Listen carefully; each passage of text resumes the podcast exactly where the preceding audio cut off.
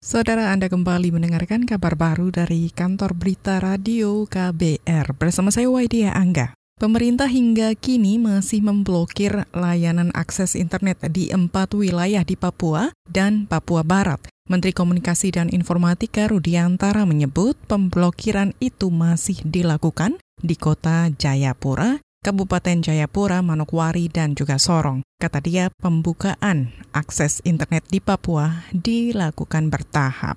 Yang tidak yang masih dibatasi Iya, ya? masih dibatasi. Yang lain sudah tidak dibatasi. Berarti memang udah agak kondusif situasi di ya kalau saya bisa simpulkan begitu. Kalau enggak eh, bagaimana teman-teman pihak keamanan yang lain juga maupun intelijen ya memberikan informasi eh, merekomendasikan apa namanya pengurangan eh, dari kabupaten yang dibatasi. bandingan salah satu Menteri Rudiantara mengatakan pemblokiran internet akan dibuka jika situasi keempat wilayah tersebut semakin kondusif. Saudara per 4 September, pemerintah secara bertahap telah membuka kembali akses internet pada 27 dari 29 kabupaten kota di Papua. Sedangkan di Papua Barat, pembukaan akses internet baru dilakukan pada 11 dari 13 kabupaten kota.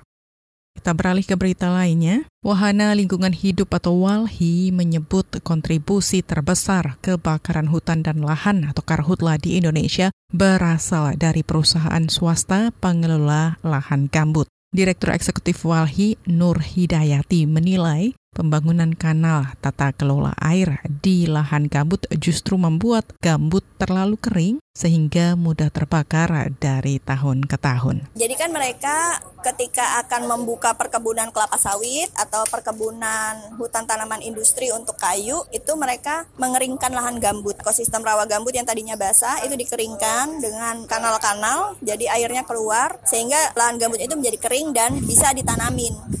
Nah, itu yang kemudian mengakibatkan kebakaran. Direktur Eksekutif Walhi Nur Hidayati meminta pemerintah mencabut izin pemanfaatan lahan gambut dari perusahaan penyebab karhutla. Berdasarkan pemantauan Walhi, lebih dari 13.000 titik panas terpantau sejak 1 Januari hingga 7 September 2019. Sementara itu sekitar 8 ribuan di antaranya berada pada kawasan kesatuan hidrologis gambut.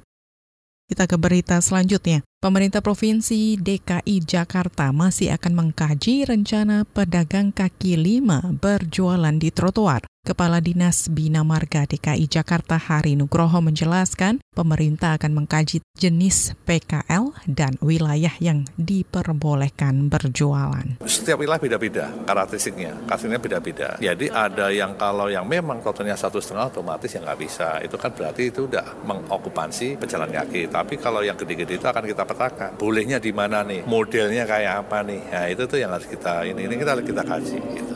Kepala Dinas Bina Marga DKI Jakarta, Hari Nugroho mengatakan pengawasan PKL nantinya akan dilakukan Satpol PP. Sebelumnya, Gubernur DKI Jakarta Anies Baswedan meminta trotoar di Jakarta dapat dimanfaatkan untuk berbagai kegiatan. Anies Baswedan menegaskan trotoar tidak hanya untuk akses pejalan kaki namun juga untuk kegiatan ekonomi seperti PKL.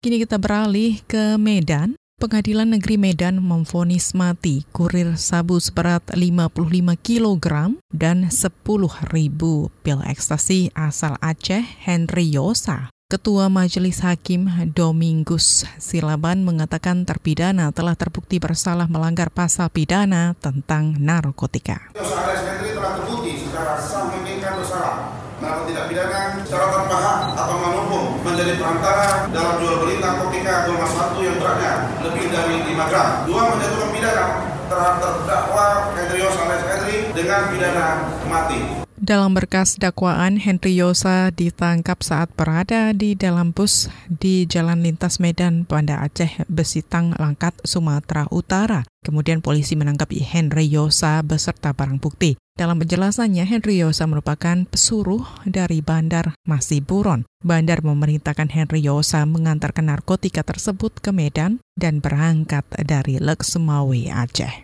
Saudara demikian kabar baru dari KBR, saya Waidia Angga.